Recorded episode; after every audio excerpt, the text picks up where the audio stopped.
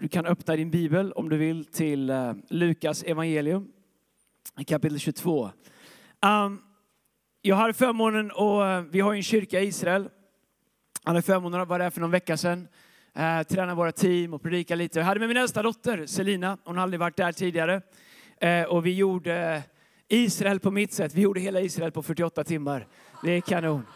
Vi hyrde en liten eh, Kia Piccolo eller Picanto eller Picaro eller något, vad hette det? En liten bil med en liters motor och man, fick krypa in i så här, för er som har sett eh, polisskolan där han tog ut förarsätet, Hightower och satt tillbaka, så kändes det som. Och vi rastade ur den där så mycket vi kunde i uppförsbackarna upp mot Galileen. Men eh, fantastiskt att se eh, för Sellis, min dotter, hur berättelser de har vuxit upp med och hört i söndagsskolan och kyrkan, hur det materialiseras. Och, väldigt stolt över kyrkan. Det är inte ett lätt ställe att bygga en kristen kyrka, alltid i, i, eh, Israel. Men det, vi är tacksamma, vi har fortfarande första egna lokal där och, eh, och allt möjligt. Och, vi var runt där och tittade. Och vi var bland annat uppe i, i Galileen och var runt där, Tiberias och Kapernaum. Och, och så var vi och tittade på där Petrus bodde. Jag inser hur man läser Bibeln och allt känns så stort. Så tittar man på där Petrus bodde. Han bodde liksom i ett hus som var, det var liksom så här litet. Det var liksom, det, det var liksom som den här delen av scenen. Där bodde Petrus, där bodde hans fru, där bodde barna. Där inne hade de sitt kreatur och där bodde hans svärmor. Det är som upplagt för, eh, för trängsel. Jag tänker att Bibeln blir så levande när man är i Israel. Man förstår den på ett helt... När jag ser hur Petrus bodde så tänker jag, när Jesus kom och sa släpp allt och har och följ mig. Jag har alltid tänkt att Petrus var andlig. Jag, han bor med allihopa och sin svärmor. Det är klart han gick. Han släppte allt. Han sa Jesus, jag kommer, jag bryr mig inte om vart vi ska. Det, finns, det här vet inte jag någonting om, men det finns de som säger att anledningen att Petrus faktiskt förnekade Jesus var för att Jesus hela hans svärmor. Det kan inte vara möjligt. Men eh, men Bibeln blir väldigt levande i Israel i alla fall. Jag åker om en liten stund, så sen blir allt som vanligt. Så att det... Men när jag läser, och när jag var där, vi stod jag och Sellis på Pontus Pilatus där Jesus blev dömd och man kan se över Gamla stan, man kan se eh, eh Getsemane på andra sidan och äh, Oli, äh, Olivberget och man ser att där togs Jesus, där leddes han ner i tunnlarna till Eh, till Kajfas hus och sen så vidare in där. Och, och så ser man innergården i, i eh, eh, Jerusalem och ser hur trångt det var där. Och jag läste Lukas evangelium när jag var där. Och vi ska gå till Lukas kapitel 22 innan vi går vidare. I vers 7 så står det så här. Så kom det osyrade brödets högtidsdag då påskalammet skulle slaktas. Då skickade Jesus iväg Petrus och Johannes och sa, gå och gör i ordning påskmåltiden så att vi kan äta tillsammans. Var vill du att vi ska göra det någonstans, frågar de. Jag kan tänka mig att eh, det är bökigt att vara Jesus ibland. Ingenting går enkelt, inga instruktioner, det är bara okej. Okay. Utan äh, de har alltid frågor. Jesus svarade, när ni kommer in i staden så kommer ni möta en man som bär på en vattenkruka. Följ efter honom till det hus som han går in i och säg till mannen som äger huset, vår mästare säger, var är salen där jag ska äta påskmåltiden med mina lärjungar? Han kommer att ta mig till en trappa upp till ett stort rum som redan är förberett. Gör i ordning måltiden där. Då gick de iväg och fann att allt var precis som Jesus hade sagt och de ordnade med påskmåltiden. Nej, grejen är att man kan läsa den här och tänka, det var väl bra, det var någon som hade ett rum, det var någon som, eh, som såg vad, eh, liksom, eh, vad som behövdes, som hjälpte till. Men när man står uppe på Pontus Pilatus där Jesus blev dömd och tittar ut över Jerusalem och ser hur litet det är.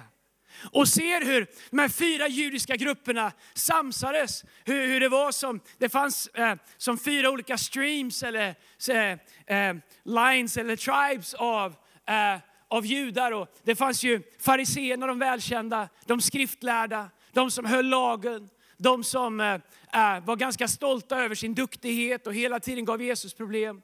Saduséerna, politikerna som hela tiden nästlade och skapade deals och, och eh, var för sig själva. Seloterna, renlivnadsmänniskorna som också var de som tyckte att Israel och judarna skulle ta till svärd mot eh, romarna som ockuperade.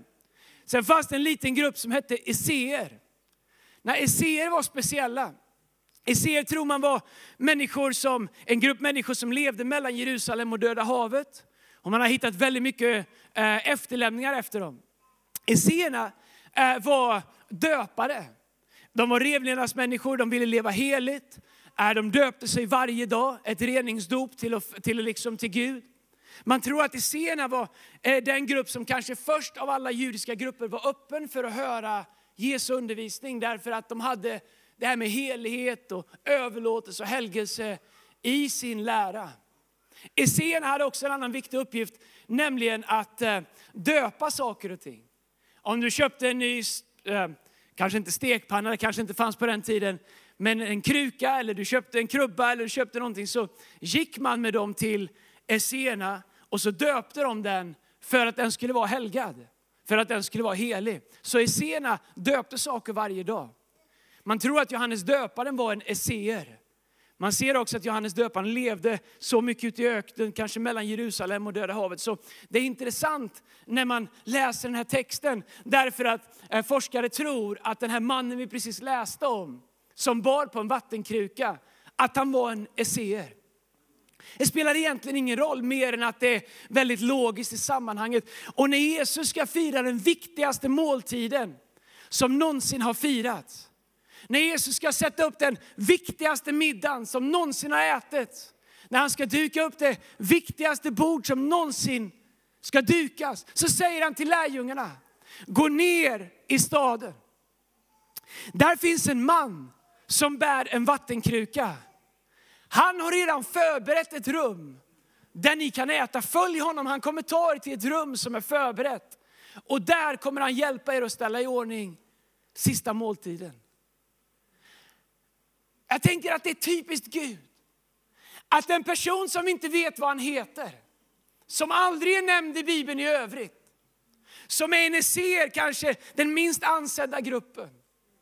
Att Gud säger, förlåt Jesus säger, nu när jag ska fira den här måltiden, då vill jag använda en man som allt vi vet om honom är att han bär på ett lerkärl.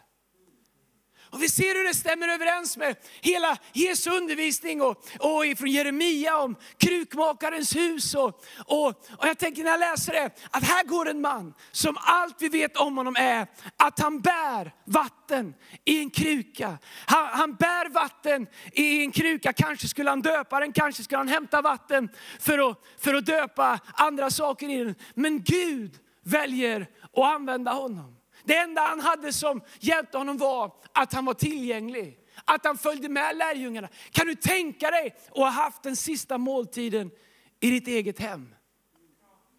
Ändå vet vi ingenting om honom. Jag tänker att det är så Gud är. Så många gånger. Han använder oss på sätt så att kanske omgivningen aldrig märker det. Eller vi kanske ibland inte ens märker det.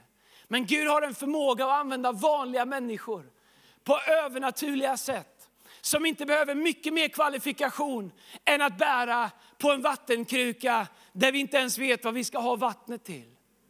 Och när Jesus använder den här bilden och att han säger att han har en vattenkruka så är det intressant därför att om vi går till andra Korinthierbrevet och tar det här till oss själva i kapitel 4, vers 7 så skriver Paulus det här med otroliga raderna.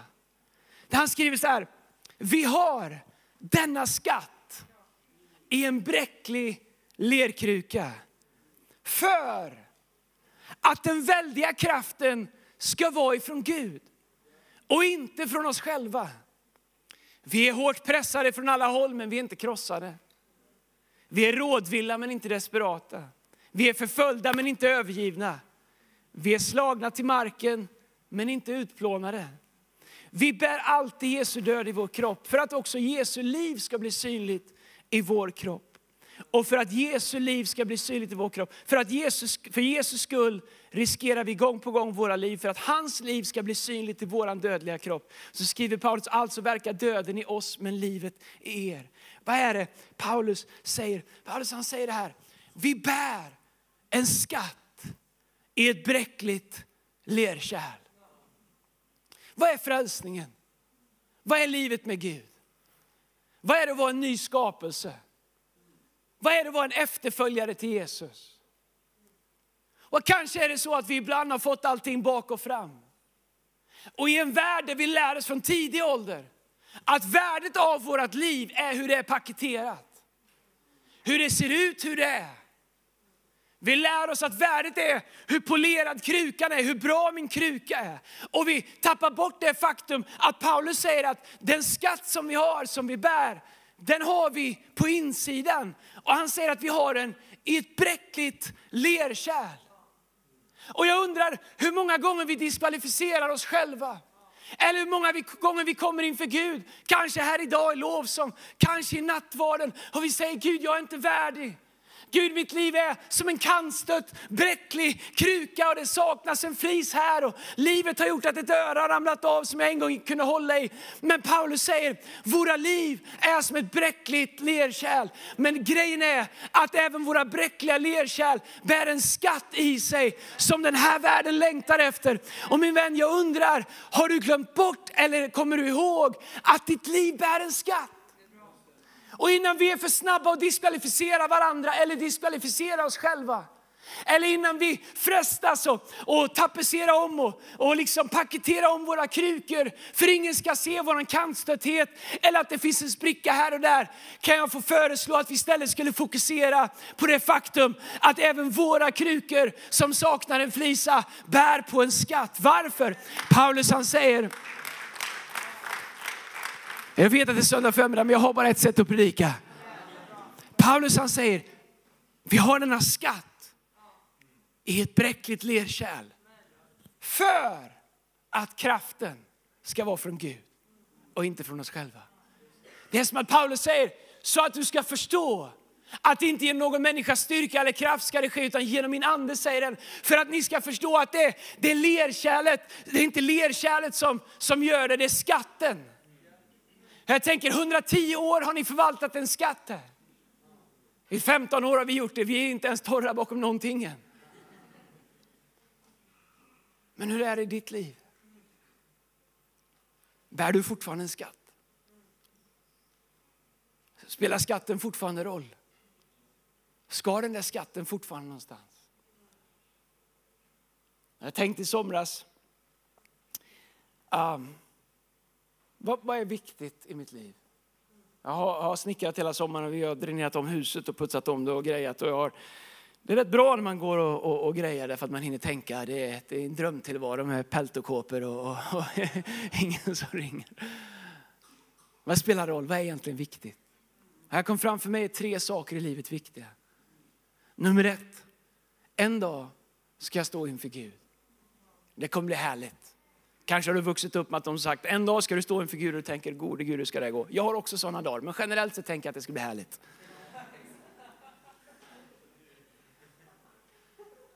Och jag vet att Gud kommer inte fråga mig vad jag gjorde när jag var liksom 12 år och smygrökte eller jag var sju år och lärde Klas att svära. Liksom. Det, det, det är liksom inte det. Därför att då blir det en lång sittning. Jag vet att Jesus kommer fråga oss om två saker. Nummer ett, vad gjorde du med min son? Jag offrade min egen son så att du skulle kunna bli frälst. Vad gjorde du med evangeliet, med budskapet om frälsning, förlåtelse, försoning? Vad gjorde du med det? Det andra Jesus kommer fråga oss det är, vad gjorde du med skatten jag la i ditt lerkärl? Vad gjorde du med ditt pund? Vad gjorde du med det jag la i din hand? Vad gjorde du med ditt uppdrag? Vad gjorde du med din gåva? Och här är grejen. Att vi har så lätt att diskvalificera våra gåvor för att vi tycker att det saknas en flisa ur lerkärlet. Men Gud kommer inte fråga dig i vilken kondition du anländer med ditt lerkärl. Gud kommer fråga dig, vad gjorde du med skatten i ditt lerkärl? Lerkärlen kommer vi gräva ner, men skatten kommer ge oss en belöning vad vi gjorde med det. Så jag inser för min del tre saker viktiga. En dag ska jag stå inför Gud. Det andra är att jag vill att min familj ska älska mig och respektera mig för det sätt som jag har älskat Gud och behandlat dem. Och det tredje är, jag vill ha min församlings förtroende. Om jag kan stå inför Gud en dag, om min familj på något sätt tycker att jag gör ett hyfsat jobb eh, och om församlingen har, som jag leder har mitt förtroende, då har jag allt vad jag behöver. Därför att en dag ska jag stå inför Gud och det kommer spela roll. Men det som är min tröst, det är att jag kan bära det livet i ett bräckligt lerkärl. Det är att jag kan bära min kamp med Gud, min kamp med min kallelse, mitt liv där jag tar två steg fram och ett bak. Att jag kan leva, jag kan bära det livet. Jag kan bära mina gåvor som jag ibland tvivlar på. Jag kan bära mitt uppdrag som ibland kan kännas övermäktigt. Jag kan bära min roll som pappa, som make, som ibland känns övermäktigt. Jag kan bära det även i ett bräckligt lerkärl. Därför skatten är lagd i ett bräckligt lerkärl. För att kraften ska vara från Gud. Och så ser vi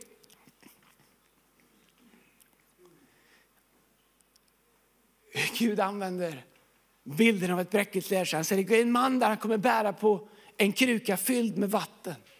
Och när jag läser Bibeln så inser jag att vatten är en bild på Guds närvaro, det är en bild på den helige Andes närvaro.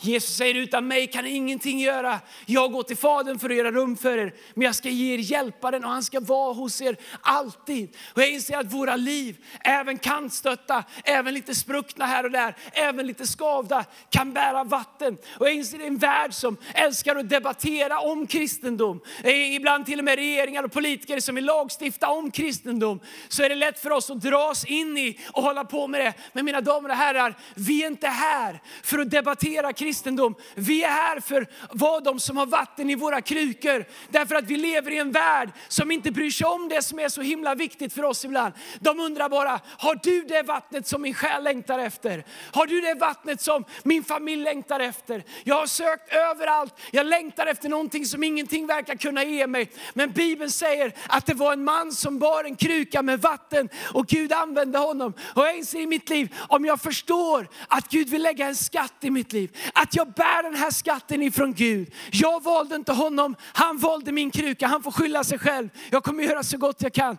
Men om jag också inser att jag är en bärare av den heliga Ande. Jag är en bärare av livets vatten till en värld som håller på att törsta ihjäl. Då inser jag att jag kan inte ta min kruka, ställa upp den på en hylla eller gömma den någonstans och diskvalificera den för att jag inte tycker att den håller måttet eller för att den har fått sig några törnar. Därför att då törstar människor ihjäl. Och ska vi som kyrkor ha någonting att komma med i en värld som, som är mer hungrig och törstig än någonsin, så måste vi ha vatten i våra krukor. Det har aldrig handlat om krukan personligen när jag är på en plats där jag struntar i. Jag säger sjung vad ni vill, gör vad ni vill, om det bara finns vatten. Därför du kan paketera kyrkan på det mest modernaste sätt och skylla på Hillsong, det är det alla gör.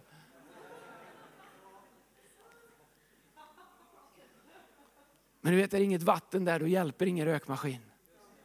Men finns det både vatten och rökmaskiner så är det ju en annan sak. Vi kan sjunga de gamla sångerna som jag älskar. Säg en, jag kan alla. Jag älskar dem. Men om det bara är nostalgi och det inte finns vatten i dem. Men du kan sjunga dem och känna att det finns en skatt där. Vi tänker så mycket på paketering. Men Gud är intresserad av skatten och vattnet. Vi tänker att världen är fascinerad över hur vi paketerar kristendom. Världen längtar efter vatten som verkligen kan släcka deras törst. Vare sig de inte har någonting eller har allting så finns det bara en sak som kan släcka vår själs begär. Och det är vattnet ifrån Gud. Och om vi förstår att även i våra liv, vem du än är, vart du än är, hur ditt liv än ser ut, så vill Gud använda dig. Hur många gånger du har försökt och misslyckats, hur många gånger du har ställt upp och ramlat igen. Hur mycket du än har polerat din kruka eller hur mycket du än tycker att den är skabbig. Om det finns en skatt i den så säger Paulus att han lägger den skatten i bräckliga lerkärl så att vi förstår att det är inte på grund av oss, det är på grund av Gud. En man bär en kruka gjord av stoft, gjord av ingenting. Men han blir använd av Gud, av Jesus den där dagen till att duka den viktigaste måltiden som någonsin har funnits. Vi är som krukor gjorda av stoft, men om vi bär vatten så bär vi Guds rike, så bär vi allt vad Gud har lovat. Så har vi någonting att, att göra och säga, vi har någonting att ge. Och min dröm om vår kyrka, det är att vi skulle vara en kyrka som bär vatten. Att vi skulle vara en kyrka som bär en skatt. Och när det behövs att vi försvarar skatten så gör vi det. Och när det behövs att vi håller hårt i skatten så att vi inte tappar den så gör vi det. Och när det behövs att vi frimodigt tar nya steg med skatten så gör vi det. Därför att vår uppgift och vårt uppdrag det är att vara bräckliga kärl som bär en dyrbar skatt. Och om inte människor ser den så spelar det ingen roll för vi vet vad vårt uppdrag är. Vi kanske är bräckliga men vi har anden. Och här är vad jag ser. Världen bygger krukor men vi bär vatten. I världen så jämför vi våra krukor. Och Jesus han säger när han träffar de skriftlärda, han säger, ni polerar bägaren på utsidan. Men insidan är full av smuts. Det är som att han säger, ni är fullt upptagna med hur era liv ser ut, hur, hur allting är, er image, hur det går, hur allting är. Ni polerar, ni, med sociala medier kan alla lägga på filter. Alla av oss ljuger, alla med Facebook ljuger. Ingenting är så bra som det ser ut. Facebook har gjort oss alla till lögnare, jag vet inte hur vi ska dela med det en dag. Instagram ännu värre, filter på allt. Ingen är så snygg som de selfiesar de tar. Vi ser, I måndags morse efter att predikat hela dagen så tog jag upp min telefon. Det gick inte att öppna den med Face ID, så trött var jag. Det är sådana bilder ser ni inte på Instagram de lägger ut. Men du förstår, världen säger till oss om bara krukan ser lite bättre ut så blir det lyckligare. Jesus säger, ta krukan som den är, fyll den med vatten och du kommer aldrig törsta igen. Och det är det som är vårt uppdrag. Världen säger krukan är allt, Jesus säger utan mig kan ingenting göra. Okej, okay, låt mig landa det här. Uh, all right. Uh, det finns ett ord som jag älskar, det är mitt nya favoritord. Och det är Kristuslikhet. Vad är essensen av våra liv? Ja, det här är en söndag förmiddagspredikan. Jag kommer tillbaka ikväll, upp så här, men ikväll då får ni komma till Göteborg. Eller jag kan inte säga att jag kommer till en annan kyrka, vad säger jag? Men eh, vi går lite djupare. Det här är ju de riktigt troende. Ni har ju varit med i 110 år här. Eh, men Kristuslikhet, det är ett väldigt vackert ord. Och det hänger ihop med det Paulus pratar om i Andra Korinthierbrevet kapitel 4. Om att bära en skatt. Och vi har ett uttryck i, i vår kyrka om vår kultur. Där vi säger att om det inte är Kristuslikt så är det inte vår kultur. Det är väldigt lätt att säga att ja, men det är så, eller vi är så, eller vi är så. Och, och vårt liksom check på allting som vi gör är, om det inte är Kristuslikt så är det inte vår kultur. Och om det är vår kultur och det inte är Kristuslikt så behöver vi ändra oss om saker vi gör, saker vi är, saker vi talar. Om det inte är Kristuslikt, då är det inte vår kultur. Och om det finns i vår kultur och inte är Kristuslikt så måste vi ändra oss, då måste vi omvända oss, då måste vi bli bättre. Därför att vårt uppdrag är att vara Kristuslika. Och i Romarbrevet kapitel 8, vers 29 så skriver Paulus så här i, i, i, i, eh, i en av översättningarna. Eh, och det goda Gud vill. Vad är meningen med våra liv som skattbärare? Och det goda Gud vill är att vi ska bli lika Jesus. Det är sant som Simon sa att jag var här 2004 och det är, ibland jag tänker på ställen jag varit i för så länge sedan så är det ett mirakel att man någonsin får komma tillbaks. Därför att eh, det, det var härligt. Men jag har predikat på så många ungdomsmöten. Jag älskar fortfarande, fortfarande min favorit att predika på ungdomsmöten. Vi hade samma camp här och det är helt underbart. Men så många gånger har jag bett för människor och inte minst unga människor som vill ha förbön och frågan är, jag vill veta vad meningen, vad är, vilja, vad är Guds vilja för mitt liv? Vad är Guds vilja för mitt liv? Och om man tänker, ja, ska du bli läkare eller ska du bli dressyrridare eller ska du bli pastor eller ska du, förstår Men Guds vilja för våra liv är ju jätteenkel. Vi läste precis den här och det, det goda Gud vill är att vi ska bli lika Jesus. Sen kommer Gud leda oss i vad vi ska göra med våra händers verk och allting. Men om, våra, om vi förstår varför vi är satta här på jorden. Att det goda Gud vill är att vi ska bli lika Jesus, hans son. Gud bestämde nämligen redan från början att de som tackade ja till att få tillhöra honom skulle bli lika Jesus. Så att sonen skulle bli den förstfödde i en lång rad av syskon. Det får mig att inse att mitt liv kan vara bräckligt. Och lite nu och då så får vi göra som det är i Jeremia kapitel 16. Vi får bli lagda tillbaks på, på drejskivan. Vi får gå tillbaks till krukmakarens hus. Och han säger att om, om våran kruka går sönder så kastar han oss inte. Han lagar oss, han drejar om oss, han använder oss. Han säger en tynande veke ska inte utsläcka. Han säger att han ångrar inte sina gåvor. Han ger aldrig upp på oss. Han förkastar oss inte, han förskjuter oss inte. Vi är rättfärdiggjorda genom tron på Kristus, genom en gåva ifrån Kristus. Det är inte våran prestation, det är inte våran performance. Och han, han, han är tålmodig med oss. Men jag inser att Gud vill att vi ska bli lika Jesus. Och genom det, genom min kruka kantstött, men full med vatten och bärande på en skatt, så är ju den fråga jag måste ställa mig själv är, ser människor Kristus i mitt liv? Om de är med mig, märks det av att det finns en skatt? Om jag är med människor märks det av att det finns vatten. Nej, jag menar inte att du måste vara perfekt. Jag ska köra bil till Göteborg ikväll och sen ska jag hem. Och jag lovar det kommer finnas incidenter. När jag tänker icke Kristuslika tankar om de som ligger i vänsterfilen. Men kör långsammare än de i högerfilen. Jag kämpar, jag är inte färdig. Min, jag, är, jag älskar den här predikan. Jag bär en skatt, men krukan, det finns jobb att göra där. Jag pratar inte om perfektion, för grejen med Kristuslikhet är att den kan leda oss till att börja fejka våra krukor. Så att istället för att förstå att Gud vill använda oss som vi är så fejkar vi och vi dresserar och vi målar över våra krukor. Och så blir vi som fariser som polerar dem på utsidan. Men när människor är i våra liv, när de kommer nära, finns det vatten? Finns det en skatt där? Är vi Kristuslika? Jag såg så den här videon om människor som kommer hit och får mat. Jag tänker, det kan inte finnas någonting mer Kristuslikt. För Jesus sa, jag var hungrig och ni gav mig att äta. Jag var naken och ni gav mig kläder. Jag satt i fängelse och ni besökte mig. Lärjungarna sa, när har du varit naken? När har du varit hungrig? När har vi sett dig sitta i fängelse? Och Jesus säger, allt vad ni gjort för en av mina minsta, det har ni gjort för mig. Du förstår att vi kan proklamera våra sanningar och stå och skrika hur mycket som helst. Men när Kristuslikheten visar sig i praktiken så kommer Guds rike synas på ett sätt som inga proklamationer någonsin kommer kunna göra. Men vi måste förstå att världen tittar på oss här, på våra arbetsplatser, på våra skolor. Och även om de inte förstår att ställa frågan rätt så den intuitiva frågan utifrån att Gud har skapat dem är, när de hör att vi går i kyrkan, när de hör att vi följer Jesus, är, har du det där vattnet? Är det mer än en förening av människor med perfekta krukor? Eller är du en av dem som faktiskt har vatten? För jag kämpar i mitt äktenskap och vi skulle behöva lite av det där vattnet. Ja, jag kämpar med min hälsa och jag skulle behöva lite av det där vattnet som du säger att du har.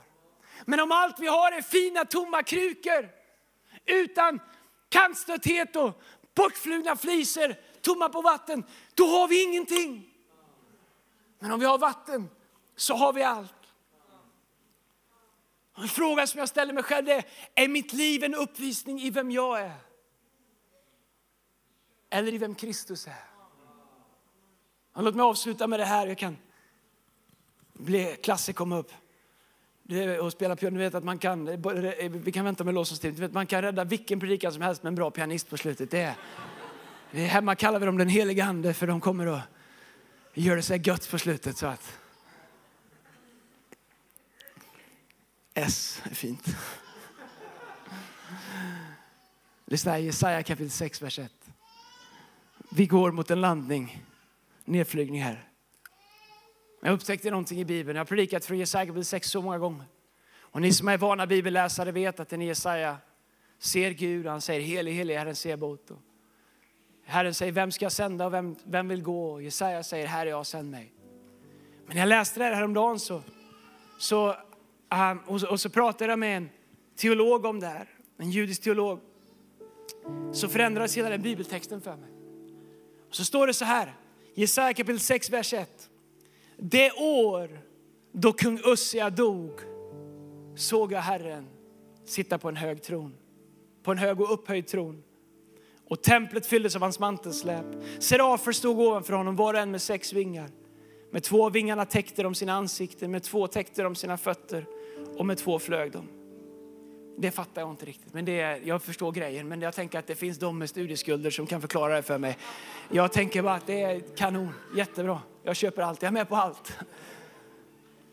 Och de ropade till varandra, helig, helig är Herren härskarornas Gud. I gamla översättningen står det, helig, helig är Herren Sebot. Hela jorden är full av hans härlighet. Det intressanta med den här texten är i första raden. Lyssna. I det år kung Ussia dog säger Jesaja, såg jag Herren. Vem var kung Ussia? Kung Ussia var känd som högmodets gud. Ussia och Jesaja var kusiner. De levde ungefär 750 år före Kristus. Ussia och hans sätt att regera landet, han är känd som högmodets Gud, högmodets kung. Jesaja är profeten, alltså den som hör Guds röst. Innan den helige ande förlöstes ut genom att Kristus dog och föll åt en brast så var det en person som förde Guds talan som kunde se Gud, höra Gud och förmedla vad Gud ville till hela mänskligheten. Här är Jesaja och han säger att han har inte kunnat se Gud. Han har inte kunnat komma inför Gud förrän Ussia dog. Ussia är högmodets Gud. Jag tänker, om inte ens profeten som är den utvald av Gud. Och vi vet i gamla testamentet hur de kunde se Gud, hur de kunde tala för Gud, vilka syner de såg, vilka underverk de gjorde. Men Ussia säger, inte förrän det år, förlåt men Jesaja säger, inte förrän det år som Ussia dog kunde jag se Gud. Sitta på en hög och upphöjd tron. Det intressanta med det är att Gud hade suttit på en upphöjd tron hela tiden. Han, det var inte så att han precis hade klättrat upp, han har suttit där hela tiden. Men Jesaja kunde inte se honom. För att Ussia, högmodets kung, hade regerat landet. När jag läser det så tänker jag i mitt liv. Vad står i vägen för att jag skulle se Gud? Vad finns det i mitt liv? Av högmod, av självgodhet, av egen upptagenhet, av egen upphöjelse, av kristen präktighet som gör mig till Ussia. Och så tänker jag att det kommer en generation, jag är ju inte de allra yngstas generation längre, jag är 47 alldeles strax. Så tänker jag att är jag kung Ussia? Är jag den som gör att den, min generation bakom inte ser Gud? Eller är jag Jesaja som gör att nästa generation ser Gud? Och så inser jag när jag läser texten att det är samma sak igen. Att högmodet bland folket stod i vägen så inte ens Jesaja kunde se Gud förrän Ussia dog. Och så inser jag att det alltid finns saker i mitt liv som behöver dö så att jag kan se Gud. Men inte bara så att jag kan se Gud. Att det finns saker i mitt liv som kanske behöver dö så att andra människor kan se Gud. Och att det finns saker i mitt liv som kanske behöver komma fram. Kanske är det så att jag behöver leva mitt liv så att människor ser om den där kantstötta, spruckna, skabbiga krukan kan bära vatten. Då kan minsann min kruka också bära vatten. Tänk om det är så att nästa väckelse i kristenheten inte är en fromhetspräktighetsväckelse där allihopa kommer med målade fina krukor utan att det är en återupptäckt att Gud är en Gud som säger, där går en man, vi vet inte vad han heter, vi vet inte vad han har gjort, vi vet inte vad han gör sen, men han bär på en kruka med vatten och Gud säger, idag har jag bestämt mig för att använda honom. Och ingen kan säga någonting annat. Min vän, Gud vill använda dig, vem du än är. Gud har vatten för din kruka, vad som än har hänt, vad du än har gjort. Hur många fliser som än har gått loss i din kruka. Därför att Gud är en Gud som ser efter skatter på insidan i våra liv. Och min bön är att kanske vi skulle låta högmod i våra liv. Vad är högmod? Allt som kommer mellan oss och Gud. Allt som skymmer sikten mellan människor och Gud när de tittar på oss. Att det skulle få dö. Att högmodet skulle försvinna. Högmodet, jag klarar mig själv. Jag har byggt mitt liv själv. Jag har varit duktig. Jag behöver inte Gud. Jag kan förhålla mig till Gud som jag vill. Min vän, det kan vi inte. Vi förhåller oss till Gud som Gud vill. Och han är god och han är nådefull. Vi började, läste vi Romarbrevet kapitel 4. Vi har den här skatten i ett bräckligt lerkärl. En bräcklig lerkruka. Förlåt, andra Korinthierbrevet. För att den väldiga kraften ska vara från Gud och inte för oss själva. Det är som att Gud har sagt, för att ni ska förstå att det inte är från er själva, så har jag valt att lägga mina heliga ting, mina dyrbara saker i ett bräckligt lerkärl. Det var det han valde. Oss, vi här. Bärare av en skatt. Bärare av andens vatten. Bärare av samma ande som uppväckte Kristus från de döda. Som nu är mäktigt verksamma i oss. Så säger Paulus hos var och en uppträder anden så att den blir till nytta. Och det är min längtan. Att mitt liv skulle bli till nytta. Låt dem säga vad de vill. Låt det ryka en flisa här och där när jag gör fel. Låt det spricka någon gång där jag limmar ihop det. Men låt den aldrig vara utan skatt. Låt den aldrig vara utan vatten. Det är min bön för ditt liv. Och det är min bön för er kyrka, er församling. Och det är min bön för alla de som är efterföljare till Kristus. Att det skulle sägas om oss att vi är Kristus lika. För vi kanske inte ser ut för världen. Det, vi, det sätt vi ser ut kanske inte är i paritet till det dyrbara som vi bär. Ändå ser vi att det är Guds nåd som använder oss.